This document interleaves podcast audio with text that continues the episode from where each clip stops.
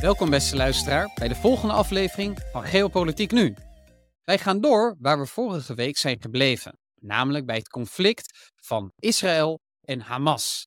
En hoe kan het ook anders? Alle aandacht afgelopen week in de media is opgeslokt door dit conflict. En Rajiv, in de voorbereiding van deze podcast hebben we daar ook wel over gehad. In hoeverre vind jij dat dit conflict terecht zoveel aandacht krijgt in de Nederlandse en ook internationale media? Enerzijds vind ik het wel terecht, want ik merk ook wereldwijd, ook in Nederland, dat dit conflict vergeleken met andere conflicten uh, best wel wat doet bij mensen. Je ziet dat de emoties hoog oplopen, zelfs bij mensen die geen Joodse of Palestijnse achtergrond hebben, zelfs geen Arabische achtergrond hebben. Uh, ja, dus het doet wel wat met mensen. Velen zien het ook als een conflict tussen de Arabische wereld versus de Westerse wereld, of Jodendom versus Islam, of Israël versus Palestina. En ik denk dat dat beeld is dat veel mensen hebben. Dat het echt een ja, existentiële strijd is tussen beschavingen, tussen landen, tussen volkeren. Zelf ben ik totaal niet, zelf heb ik totaal niet die mening. Maar ja, ik denk dat daarom enerzijds wat terecht is, dat er daarom ook veel meer aandacht is in de media. Want dat is eenmaal wat er speelt. Aan de andere kant denk ik ook van, uh, vergeleken met andere geopolitieke conflicten die we ook uitvoerig hebben besproken in het podcast, zou ik ook liever willen dat hetzelfde aandacht ook daar of misschien zelfs meer aandacht voor die conflicten, aan die conflicten zouden worden gegeven. Bijvoorbeeld laatst het Armenië-conflict. Ja, dat is misschien een tiende, is minder zelfs als wat er nu over het Gaza-conflict wordt vermeld. Of wat er nu gaande is in Turkije. Ik heb begrepen dat Turkije, uh, as we speak, bezig is met het bombarderen van Koerdische doelen. Daar is denk ik niks over vermeld. Althans, ik heb zelf niks gezien. Ik weet niet of jij uh, wat hebt gezien. Heel beperkt inderdaad. Dus ja, ik vind, en dat ben ik met je eens, dat er wel ongelooflijk veel aandacht is voor dit conflict. En het is aan de ene kant begrijpelijk, omdat veel mensen het zien als de botsingen, het grote conflict tussen beschavingen, Israël uh, versus Palestina, Jodendom versus uh, de islam, het Westen tegenover de Arabische wereld. Maar de vraag is natuurlijk of dat helemaal correct is. En een van de doelstellingen in deze podcast is om eigenlijk scherper te stellen waar de strijd nu eigenlijk echt om gaat. En dan zul je zien dat het niet zozeer een conflict is tussen twee religies, maar eerder tussen belangen van regimes en ook onder- en bovenstromen. Maar daarover later meer. Ik ben benieuwd, Rajiv. We kunnen natuurlijk zien dat het wereldwijd heel veel aandacht krijgt. En wij zelf hebben onze twijfels daarbij of dat terecht is. Maar aangezien het die aandacht krijgt, denk je dat dit conflict dan ook echt grote gevolgen gaat hebben voor de nieuwe wereldorde en voor allerlei relaties tussen de internationale machten. Um, ja, ik heb daar mijn mening over. Ik moet wel van tevoren zeggen, dit is, dit is echt puur mijn mening. Ik weet zelf natuurlijk ook niet precies hoe het zal lopen. Uh, voor mij is het ook een groot deel ja, koffiedip kijken, zoals ze dat zeggen. De ene kant van mij zegt dat het grote effecten teweeg zal brengen in de, in algehele geopolitiek. Met name dat je zal zien dat de, ja, de toenadering tussen Israël en de Arabische wereld, dat dat ja, ik denk misschien nu een beetje een ijdele hoop is. Aan de andere kant denk ik dat de regimebelangen in de Arabische wereld zo groot is dat ze gedwongen, het regime is gewoon genoodzaakt voor investeringen in hun economie, noodzaak voor toegang tot kapitaal en met name toegang tot technologieën, ook heel veel Israëlische technologieën. Dat ik ga denken van ja, het is nu even uh, door de zure appel heen bijten, maar dat ze daarna weer toenadering zullen zoeken uh, tot Israël. En dat ze dat op de een of andere manier zullen doen. Dus ja, ik, de ene kant van me zeg van het zal heel veel effecten teweeg brengen. Hangt denk ik ook vanaf hoe hard Israël zal toeslaan. Aan de andere, andere kant denk ik van het zal misschien een jaar, misschien max twee jaar even zo duren. Maar na twee jaar zie je dat het weer business as usual zal zijn. Want de grotere geopolitieke ontwikkeling, die staan niet stil. Okay, die gaan gewoon door. Inderdaad, op regionaal gebied heeft dit ongelooflijk veel gevolgen. Maar de grotere geopolitieke ontwikkelingen wereldwijd, die zullen uiteindelijk bepalend zijn, ook in dit conflict. Inderdaad. En wat wel interessant is, ben ik vooral benieuwd naar jouw mening. Ik denk wel dat het regionaal, dus niet wereldwijd, maar wel binnen het Midden-Oosten grote gevolgen zal hebben. Uh, misschien zelfs hoe wij naar Iran kijken of hoe we naar Iran zullen handelen. Ja, wat denk jij daarover? Nou, ja, ik denk dat nogmaals heel duidelijk gemaakt wordt door Iran dat zij niet geïsoleerd willen worden in de regio. Uh, even een, een, kleine samenvatting van afgelopen week. Hamas die viel op uh, zaterdag anderhalve week geleden natuurlijk uh, Zuid-Israël aan en werd daarbij gesteund door Iran en Hezbollah. En ik denk dat het grootste belang van Iran hierbij was het normaliseringsproces tussen Israël en de Arabische wereld te dwarsbomen. En waarom? Omdat Iran heel erg bang was dat het geïsoleerd zou raken in de regio. En dat ze daardoor eigenlijk hun regionale macht zouden verliezen. Dus het was heel duidelijk in het regimebelang van Iran om deze aanval uit te oefenen. Want zij wisten dat daardoor Israël eigenlijk een slag toegebracht zou worden. Dat is één. En twee, dat in de Arabische wereld er heel veel protesten zouden komen tegen Israël en voor de Palestijnen.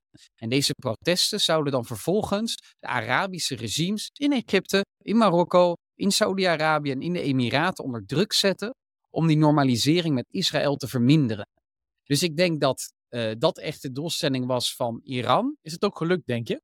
Ik denk dat het tijdelijk gaat lukken, ja. Maar nee, ik denk dat ze strategisch alsnog een onverstandige keuze hebben gemaakt, omdat, ze aan, uh, omdat er meer sancties zullen volgen voor Iran. Dat onder meer die 6 miljard die in Qatar vrijgezet was voor Iran nu weer bevroren wordt. Dat heeft Amerika al geregeld. En dat Amerika nog strenger die sancties zal gaan opleggen aan Iran. Aan de, een, aan de andere kant denk ik dat het wel gelukt is om die normaliserings, uh, de normalisering van die relaties heel erg onder druk te zetten door de publieke opinie in Arabische landen te mobiliseren. Dus om eigenlijk de bevolking in Arabische landen boos te maken op Israël, waardoor die regimes onder druk komen te staan. En dan denk ik dat het vertraagd is inderdaad. Ik denk zelf ook dat het vertraagd is, maar niet gestopt. Vooral wat het verschil is uh, met het verleden, kunnen we misschien later op, verder op ingaan, is in het verleden als er vaak in, ja, oorlog was tussen de Israëlische, Israëliërs en de Palestijnse regering, de PLO, was er maar één groot Palestijnse entiteit. Dat was de PLO, de Palestinian Liberation Organization, onder Yasser Arafat. Nu is dat niet zo. Je hebt Fatah, dat aan de macht is op de westelijke Jordaan-oever. En je hebt duidelijk Hamas, uh, aan de macht is binnen de Gaza-strook. En dit is duidelijk, en zo wordt het ook uh, geportretteerd, als een aanval van Hamas. Dus niet echt als een aanval van de Palestijnen. Sterker nog, uh, president Abbas, de leider van Fatah binnen de westelijke Jordaan-oever, had zelf gezegd, en ik probeer hem te, letterlijk te citeren, maar dat Hamas niet dat, uh, de wil van de Palestijnen vertegenwoordigt. En als de president van de Palestijnen dat al zegt, los van of hij nou populair is onder zijn eigen bevolking, doet er even niet toe. Maar als de president van de Palestijnen dat zelf aangeeft, dan geeft het ook wat ruimte aan de Arabische leiders om aan te geven aan hun bevolking van ja, dit is niet zozeer een aanval tegen de Palestijnen, maar eerder een aanval tegen Hamas. Maar nogmaals, dit hangt er puur vanaf hoe Israël zal reageren. En ik denk dat Israël, hoop ik ook natuurlijk, dat ze hier wel rekening mee zullen houden. Dus dat het niet een, uh, ja, echt een totale verwoesting wordt. Ja, inderdaad. En ik denk dat het vanuit humanitair uh, perspectief heel erg van belang is dat zij zich houden aan het internationaal recht voor oorlogsvoering. Ja, Israël moet zichzelf verdedigen. En tegelijkertijd heb je het houden aan internationaal recht. Ik denk dat dat voor de steun vanuit de EU, de Arabische wereld en ook de Verenigde Staten cruciaal is. Je ziet ook al dat Blinken, eh, minister van Buitenlandse Zaken van de Verenigde Staten, daar heel sterk voor gepleit heeft. Biden heeft dat ook aangegeven. Dus echt een heel duidelijke combinatie van steun volop. Aan de andere kant, je hebt je te houden aan internationaal recht. Het opvallende om nog maar uh, die uh, verdeeldheid in de Arabische wereld en de Palestijnen te schetsen, is eigenlijk de leider van Hamas, Haniyeh. Ik had het er vorige week al over dat heel veel Arabische leiders in Saudi-Arabië en Egypte zich kapot ergeren aan deze Hamas-leider Haniyeh. Die zelf woonachtig is in Qatar. En Qatar staat op gespannen voet met Saudi-Arabië en met Egypte. Inmiddels hebben ze al iets band, betere banden weer. Uh, mij woont daar in volledige wilde, in extreem grote rijkdom. Hij heeft 13 kinderen, van wie enkele zonen ook nog een Turks paspoort hebben en in Turkije woonachtig zijn en, en daar vastgoedbeleggers en zijn. En sterker nog, in de Gaza-strook zelf, in het noorden van Gaza, ik ben de naam van de wijk kwijt, is er een wijk, een elitewijk. Uh, ja, meerdere journalisten hebben ook aangegeven, het lijkt net ja, als het ware bijna het gooi in Nederland. Uh, die plekken zijn ook nooit gebombardeerd. En daar wonen ook altijd de Hamas-leiders in uh, luxe villa's. Ja, de vraag is nu of Israël die plekken wel of niet gaat bombarderen. Gezien dat echt de plekken zijn waar de leiders wonen. Maar om aan te geven dat er wel echt een verschil is tussen de leiders van Hamas die aangeven voor de Palestijnse zaak op te komen. En dat ze hun leed ook begrijpen en dat ze zelf voortkomen uit leed. Maar als je ziet hoe ze zelf leven, vergeleken met hoe de Palestijnse of de Gazanen leven. En hoe de Gazanen echt als schild worden gebruikt. Ja, dat is echt een wereld van verschil. Er is een enorm verschil inderdaad tussen het regime van Hamas aan de ene kant en de Palestijnen in de Gazastrook aan de andere kant. En die ergernis uh, naar Hanija, de leider van Hamas, uh, legt dus ook die verdeeldheid van de Palestijnen eigenlijk heel sterk bloot. Die ook historische wortels hebben. Deze verdeeldheid van de Palestijnen op de westelijke Jordaanoever aan de ene kant en in de Gaza aan de andere kant. En je ziet eigenlijk terug dat in de loop van de decennia allerlei buitenlandse machten hier gebruik van hebben gemaakt. Allereerst Israël zelf, dat eigenlijk al in de jaren 70 en 80 de voorloper van Hamas gesteund heeft. Nou, daar heb jij natuurlijk straks veel meer over te vertellen. En aan de andere kant dat in de laatste jaren, laatste 10, 15 jaar, Iran heel erg gebruik heeft gemaakt van deze verdeeldheid. En eigenlijk zijn tentakels heeft weten te zetten in de Gazastrook via Hezbollah. En op die manier probeert Iran zijn regionale macht te vergroten en de druk op het Westen en Israël ook zoveel mogelijk op te voeren. Tegelijkertijd zie je terug dat andere Arabische landen uh, daar andere keuzes in maken. Uh, en dat dat dus ook hier weer duidelijk een voer is voor zogezegde proxystrijd en proxyoorlogen. Die de strijd tussen de islam en het jodendom dan ook eigenlijk logisch straffen. Dus wil jij vooral bevestiging hebben dat deze podcast gaat over de strijd tussen het jodendom en de islam, dan raad ik je van harte aan om te stoppen met luisteren. Wij zullen namelijk in deze podcast betogen dat deze strijd om heel andere zaken gaat. En daar wil ik eigenlijk starten bij die verdeeldheid tussen Hamas en Fatah. Kun je daar meer over vertellen en ook welke historische wortels dat eigenlijk heeft? Ja, um, zonder al te veel in thuis op in te gaan, want ja, dit geschiedenis heeft heel veel detailmomenten. En ik denk dat we, ja, als ik dat, dat allemaal zou benoemen, dat we door de bomen het bos niet meer zullen zien. Dus ik zal me alleen houden op de hoofdzaken. En voordat we comments krijgen op TikTok van je bent dat vergeten, je bent dat vergeten. Um, maar je hebt Fatah. Fatah is ontstaan, of Fatah nam vroeger een groot rol binnen het PLO, de Palestinian Liberation Organization. Het werd in 1964, zeg ik uit mijn hoofd, ja, opgericht uh, door Yasser Arafat. Ik denk met name de oudere luisteraars zullen goed herinneren uh, wie hij is. Hij kwam heel vaak op nieuws. En dat kwam ook weer voort uit het pan-Arabisch socialistisch ideaal. Je moet je voorstellen, het was toen een heel andere wereld. In de jaren 50, 60, 70, 80 zelfs. Toen was er sprake van de Koude Oorlog. Echt een strijd tussen het, het westers kapitalistisch systeem versus het ja, communistisch, het socialistisch systeem. En wat zie je dus altijd terug? Dat zodra mensen ontevreden waren met het Westen, dat ze zich keerden naar de Sovjet-Unie toe en naar het socialisme. Dus ontevredenheid werd toen heel snel gesocialiseerd of gecommunistiseerd. En dat was toen niet anders. Ja, inderdaad. Dus je bent niet tevreden met je regering of je wilt graag je eigen staat. Je zoekt steun. Uh, nou, er is een andere partij die bereid is jouw steun te geven. Alleen je moet wel een ideologische sausje overnemen. Dat is waarom bijvoorbeeld er nu in Afghanistan heel kort de Taliban heel radicaal islamitisch is. Maar het is je moeilijk voor te stellen, in de jaren 50, 60 waren er weer radicale communisten. Dan kan je denken van, hoe, ja, hoe bestaat dat?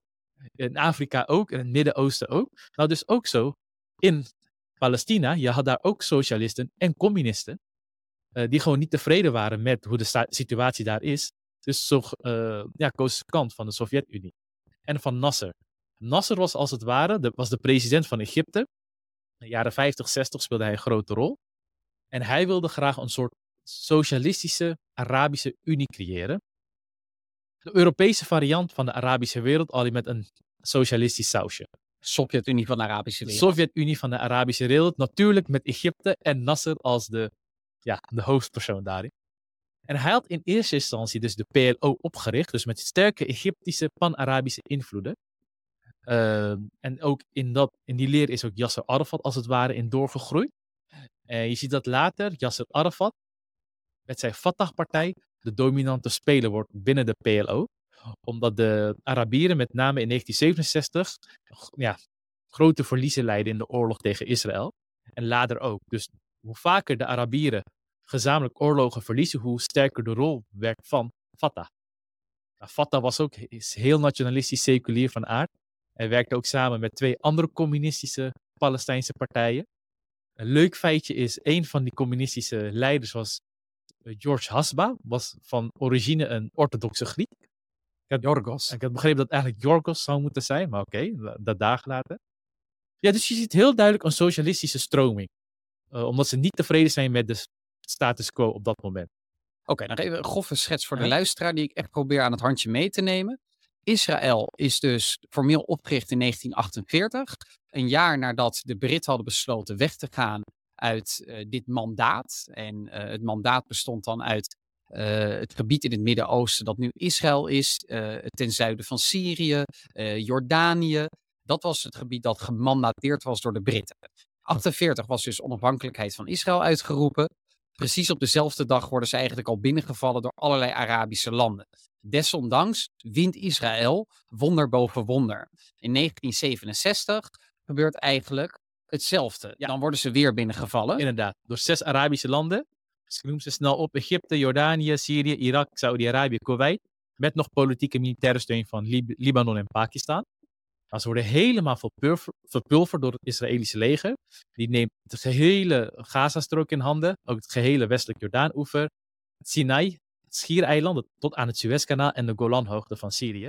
Even voor de duidelijkheid, want ik kan me voorstellen dat de luisteraar even de weg kwijt is als je zo snel die plaatsen zegt. Dus je hebt Israël, aan de rechterkant ligt de westelijke Jordaan-oever, aan de linkerkant ligt de Gazastrook en dan ligt links onder Israël ligt eigenlijk Egypte.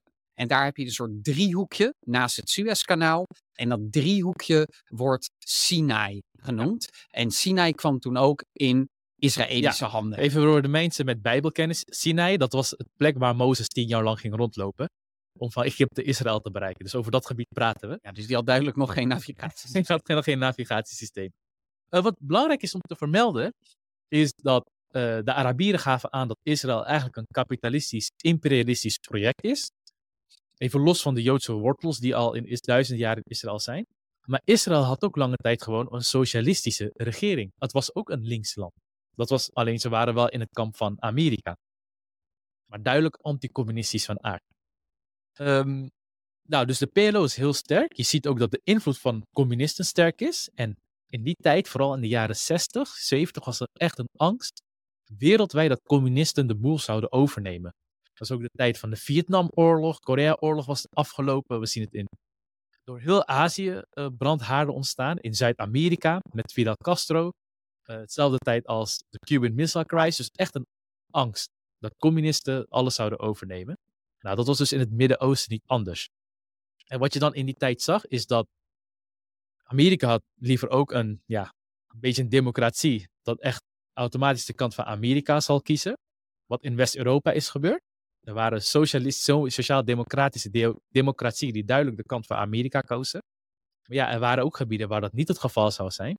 Dus dan kozen ze vaak of liever voor fascistische dictaturen, Zuid-Amerika, of voor religieuze fundament of Griekenland, of voor religieuze fundamentalisten, die eigenlijk niks met communisten en socialisten moesten hebben, want dat gaat uit van atheïsme en ook het uh, verlichten van vrouwen bijvoorbeeld.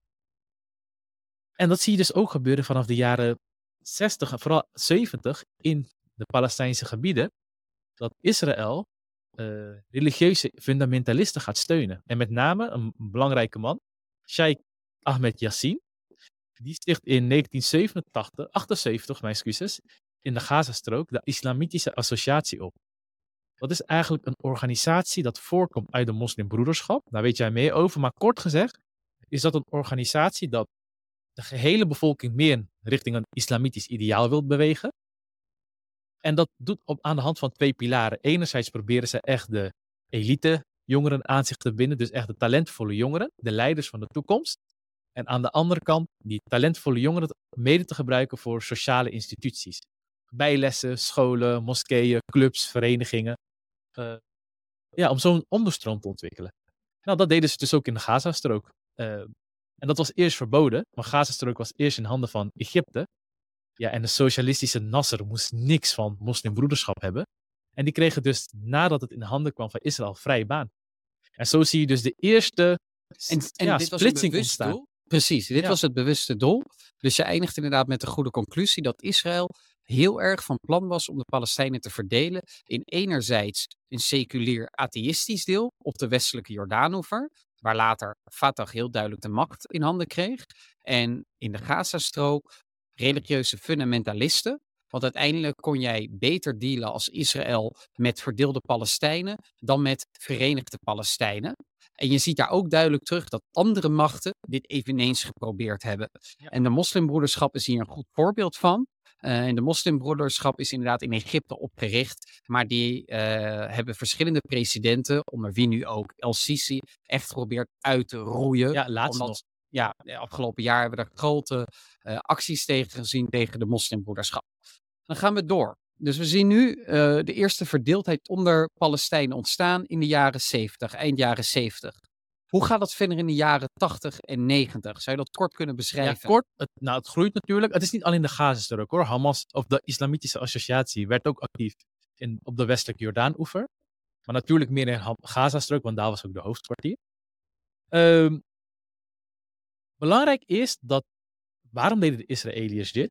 Het is omdat er meerdere Israëlische regeringen waren die graag ook eh, de PLO van Yasser Arafat aan de onderhandelingstafel wilden hebben. En ook lang kozen voor een twee-staten-oplossing. Dat lijkt nu raar, gezien de opstelling van Israël, maar heel lang was dat de, uh, echt wat ze wilden hebben. Twee staten. Uh, maar de PLO van Yasser Arafat wilde dat heel lang niet. Die, die had ook zijn eigen regimebelangen, werd misschien ook onder druk gezet door zijn eigen bevolking om het geheel gebied of zoveel mogelijk voor Palestina te hebben. Ja, ja dus eigenlijk decennia lang, vanaf 1948 tot en met eind jaren 80, heeft Yasser Arafat en de Palestijnse autoriteiten een twee-staten-oplossing geblokkeerd. Ja. En we zien terug dat de reden daarvan is, denk ik, in onze analyse in ieder geval, dat zij daarvoor het mandaat niet kregen van de eigen bevolking. Dat is één.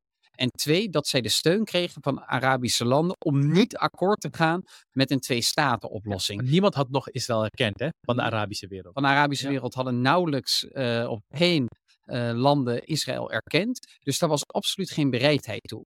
In de jaren tachtig probeert Israël dan de Palestijnen onder druk te zetten. Enerzijds door ze te verdelen, maar ze proberen nog iets. Ja, wat ze proberen is, nou dan zie je ook dat de eerste nederzettingen ontstaan binnen het westelijke het westelijke Jordaan-oever. Ik ga niet zeggen dat het daarvoor niet plaatsvond. Daarvoor vond het ook plaats. Maar wat we zien in de jaren 80 is dat het voor het eerst echt op een ja, enorme schaal gebeurt. Echt met overheidsfinanciering, gepland vanuit de overheid. En de generaal die daarmee startte, ik ben zijn naam kwijt, maar gaf ook aan, ja, wij doen dit om de PLO aan de onderhandelingstafel te dwingen. Om twee staten een oplossing te accepteren met het idee, hoe langer je wacht, hoe minder zoeter de deal wordt. Dat was één. Twee. Dus er zit in Israël ongelooflijk veel pijn en verdriet. Dat eigenlijk tot drie maal toe een akkoord geblokkeerd is. Inderdaad. Eigenlijk in 48, in 63 en vervolgens ook nog eens in de jaren 70. Inderdaad. Nou, dan zie je dus dat één. Dus zo proberen ze de PLO te dwingen. Ten tweede, in 1973 werd de Arabische wereld probeerde weer Israël aan te vallen. Deden ze ook in de Yom Kippur-oorlog. Weer uh, verloren. Dus je ziet ook binnen de Arabische wereld steeds meer steun aan het afzwakken is voor ja, gaan we überhaupt nog wel ooit Israël kunnen verslaan? Waar dat gevoel eerst wel echt heerste onder de bevolking. En misschien dat daar ook uh, hierdoor het pan-Arabische en seculiere denken een enorme knauw heeft gekregen. Ja. Waardoor er ook meer ruimte kwam. Uh, de geesten rijp werden gemaakt voor een fundamentalistische interpretatie van de islam. Ofwel, het islamisme kreeg eigenlijk steeds meer wind in de zeilen. Ja, want waarschijnlijk, veel mensen dachten ook niet iedereen, hè. Maar er kwam een gedachtenstroomgang van ja, Waarschijnlijk lukt het het socialistische pad niet, of we zijn af, te ver afgeslagen van ons zware pad.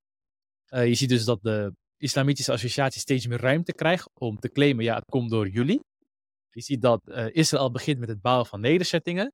En dat de laatste, of de laatste PLO-strijders in het zuiden van Libanon uh, ja, worden vernietigd door Israël. In 1982 valt Israël Libanon binnen om de laatste PLO-militanten te verslaan. Dat is ze ook gelukt.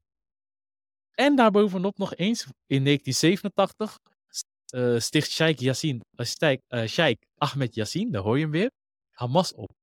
Echt een militante tak. Het is ook een acroniem voor de islamitische verzetsbeweging.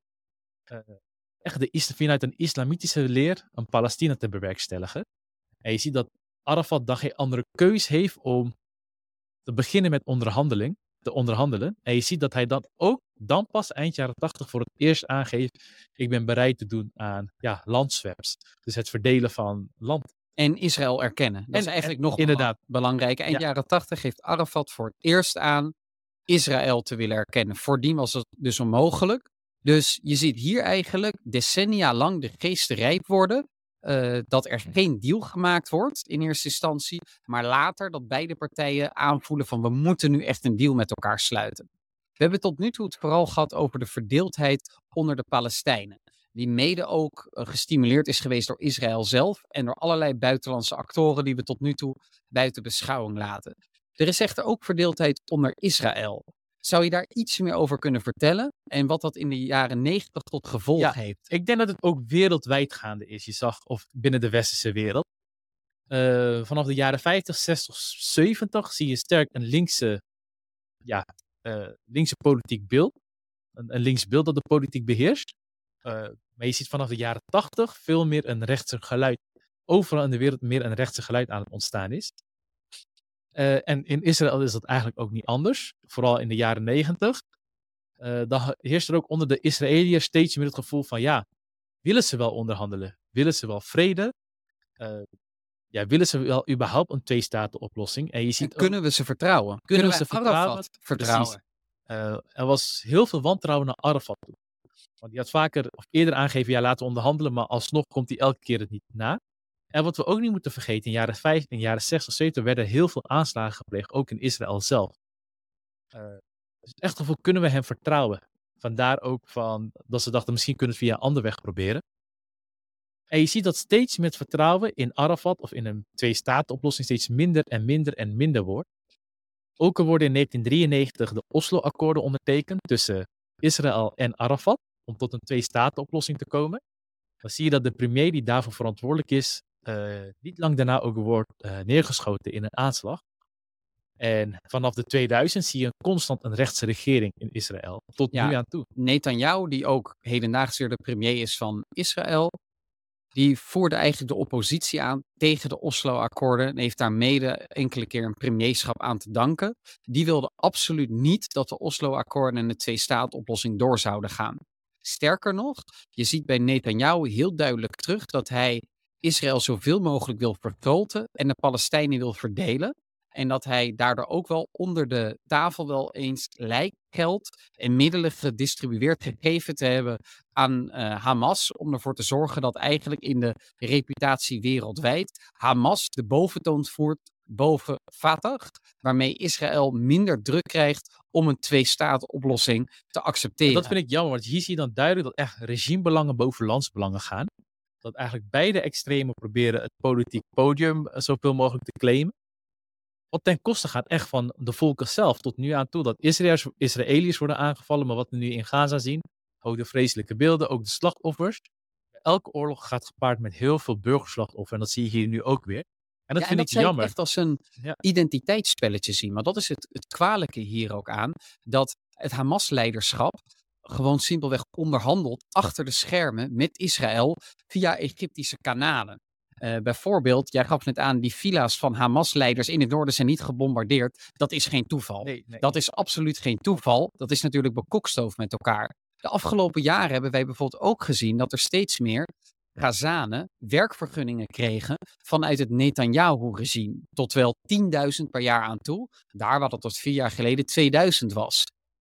Hamas kreeg hier structureel geld door. En daardoor kon Hamas wat sterker worden en kon het eigenlijk ervoor zorgen dat het sterk genoeg bleef om Fatah buiten de deur te houden. Want je ziet terug dat 52% volgens peiling uit juli dit jaar van de Palestijnen in de Gazastrook Israël wil herkennen en vrede wil sluiten met Israël.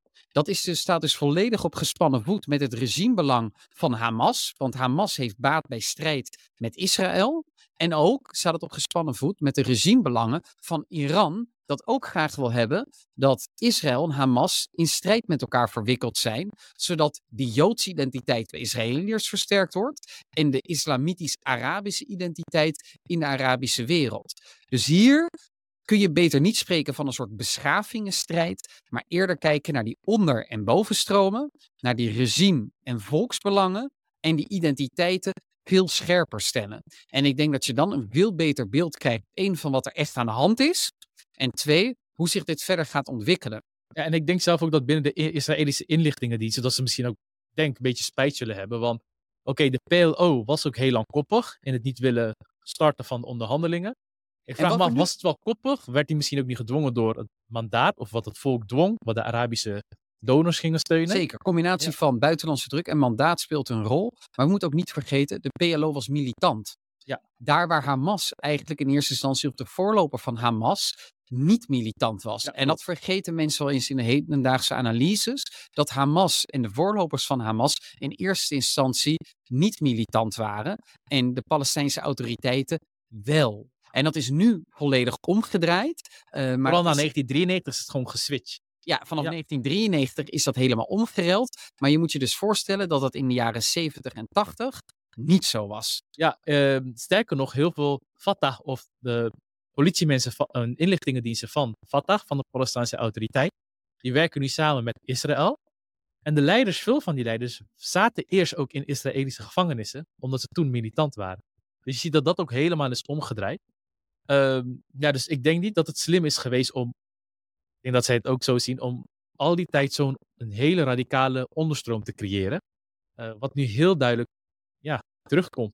En dat zorgt er denk ik ook voor, deze radicale onderstroom die gecreëerd is, dat wereldwijd dit nog gevoeliger is geworden, dit thema. En dat hoewel het een qua omvang relatief bescheiden conflict is, hoe ernstig humanitair dan ook, dat het zo ongelooflijk eh, hoog de gemoederen kan laten oplopen. Eh, ik wil nog wel op één ding inzoomen. En dat is, hoe gaan Arabische staten reageren? En daar is wat mij betreft het volgende het oerdilemma. Namelijk het aan de ene kant afdwingen van veiligheidsgaranties eh, van de Verenigde Staten. Met name voor Saoedi-Arabië is dat cruciaal in de strijd tegen Iran. Eh, want je moet je voorstellen dat Saoedi-Arabië eigenlijk als de dood is voor Iran. En zichzelf niet capabel genoeg acht om militair de strijd te winnen met Iran. En aan de andere kant dat wat de publieke opinie toestaat om te doen aan de regimes van Saudi-Arabië, Egypte en de Emiraten. En ook Marokko trouwens. Want in Nederland en ook in, breder in Europa zien we enorme weerstand en haat van de Marokkaanse gemeenschappen eh, naar Israël toe en naar het handelen van Israël. Maar achter de schermen werken Israël en Marokko steeds hechter samen. En is het zelfs zo dat Marokko Israël beschouwt als cruciale bondgenoot in de Koude Oorlog met Algerije. Dus dat is een heel interessante ontwikkeling waar je wederom terugziet dat regimebelangen van veel doorslaggevende invloed zijn dan religieuze identiteiten. En dat soms onderstromen die je kweekt, die je probeert groot te laten worden, kunnen verworden tot bovenstromen. Denk bijvoorbeeld aan Israël dat Hamas of religieus fundamentalisme sterk heeft proberen te maken. Dat dat nu een bovenstroom is waar ze serieus rekening mee moeten houden. Ik denk dat ze nu weer wensen dat ze weer die seculieren hadden van toen. Maar ja, inderdaad, ze waren toen militant. Ze waren PLO? militant. Ja. Eh, ja, en je ziet het helaas vanaf 2000 steeds de slechte kant op gaan. Vooral na 2004 eh, overlijdt eh, Yasser Arafat. En in 2007 grijpt de Hamas na verkiezingen de macht in Gaza. En vanaf dat moment is het eigenlijk de situatie zoals we dat nu kennen. Dus ik weet zelf eigenlijk ook niet ja, wat de weg vooruit is. Israël geeft zelf aan, ja, een twee-staten-oplossing is alleen mogelijk als Hamas volledig is vernietigd. Dat gaat, ik denk dat ze dat gaan doen, dat Gaza weer onder controle komt van Fatah. En dat ze aan Abbas zullen zeggen, luister, het is een soort van nu voor nooit moment. Of we gaan akkoord met eh, onderhandelingen, eh, waarbij Jeruzalem hoofdstad wordt van Israël. Eh, status van vluchtelingen worden geregeld en ook de nieuwe grenzen. eh, en allerlei veiligheidsissues, of ja, nooit meer. Dus de komende decennia wordt in ieder geval wel heel cruciaal. Ja, ik denk inderdaad op een bepaalde manier dat de reactie van Israël naar Gaza toe eh, heel bepalend gaat worden. Dus hoe hard wordt de knauw vanuit Israël uitgedeeld aan Hamas en ook de Palestijnen zelf? En ik hoop echt dat Israël zich hier houdt aan het internationaal recht. Eh, zowel om humanitaire redenen als ook om de gevolgen. Want ik denk dat als Israël zich hier redelijk terughoudend opstelt, of aan het internationaal recht houdt, laat ik het zo stellen. Hoewel ik vind dat Israël al het recht heeft om eh, eh, Hamas uit te roeien. Daar ben ik zelf ook voorstander van. Maar dat zij daardoor de relaties met de Arabische wereld inderdaad kunnen normaliseren. En dat de Palestijnen dusdanig onder druk gezet kunnen worden. Dat uiteindelijk, Met name Fatah eigenlijk. met name Fatah, eh, dat uiteindelijk eh, de twee-staat-oplossing, op wat voor manier dan ook, het kunnen ook heel autonome regio's natuurlijk worden in eerste instantie. En dat je een opbouw gaat zien naar een staat toe, mogelijk gaat zijn. En wat ik verder nog wel een interessante vind, is de rol van Rusland op de achtergrond hierin. Want ik heb heel duidelijk gekenschetst dat Iran hier vooral het normaliseringsproces tussen de Arabieren en de Israëliërs wilde blokkeren. Zichzelf absoluut niet wilde laten isoleren in de regio. En ik denk dat het belang van Rusland is, waar steeds meer aanwijzing voor komt dat zij hier ook een leidende rol hebben gespeeld in deze aanslag. Dat het Westen geconfronteerd wordt met meerdere fronten en met meerdere uh, je ziet Oekra aandacht demonstraties. ja, de aandacht voor Oekraïne is weg. Meerdere fronten voor het Westen. En dat het mondiale zuiden op een bepaalde manier een beetje wordt opgezet tegen uh, het ja. Westen. En ik denk zelf ook voor, uiteindelijk voor Fatah, ik denk dat het Israël wel gaat lukken om Hamas volledig te vernietigen. Ik denk dat ook voor Fatah letterlijk nu of nooit is, want er is nu dan wel steun onder de Arabische landen, regimes misschien wel. Maar geloof me, dat gaat heel, van een hele korte aard zijn. Want de andere problemen zullen zoveel nijpender zijn dat ze ja, ook zullen zeggen van, ja, als jullie het niet willen, wij gaan gewoon door met onze eigen regimebelangen behartigen. Precies. Ook een, uh, ja, Mohammed bin Salman van Saudi-Arabië en Israël, die blijven gewoon naar elkaar toe groeien. Marokko en Israël ook. Uh, ja, dus dat, dat zal inderdaad naar alle waarschijnlijkheid gewoon doorgaan en dat zien we ook op de achtergrond gebeuren.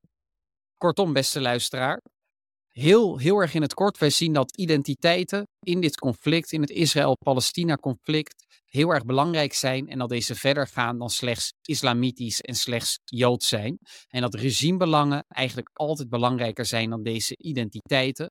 Alleen wel dat identiteiten bepalend zijn voor welke uh, ruimte regime, regimes hebben om hun belangen te behartigen.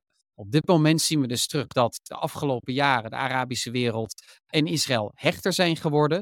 Uh, waarmee Iran buitenspel kwam te staan. Iran heeft zich hiertegen verzet. En nu is de vraag: hoe gaan we verder? Onze inschatting is dat dit wellicht wel een window of opportunity is om inderdaad de banden verder te normaliseren, mits Israël zich houdt aan het internationaal recht. En dat is denk ik wel een belangrijke voorwaarde. En tegelijkertijd dat de publieke opinie deze regimes toestaat om de banden met Israël te normaliseren. En dan wil ik je heel hartelijk, dank, uh, heel hartelijk danken voor het beluisteren van de podcast. En dan hopen wij natuurlijk dat jullie afscheid hebben kunnen nemen van jullie ongeïnformeerde zelf.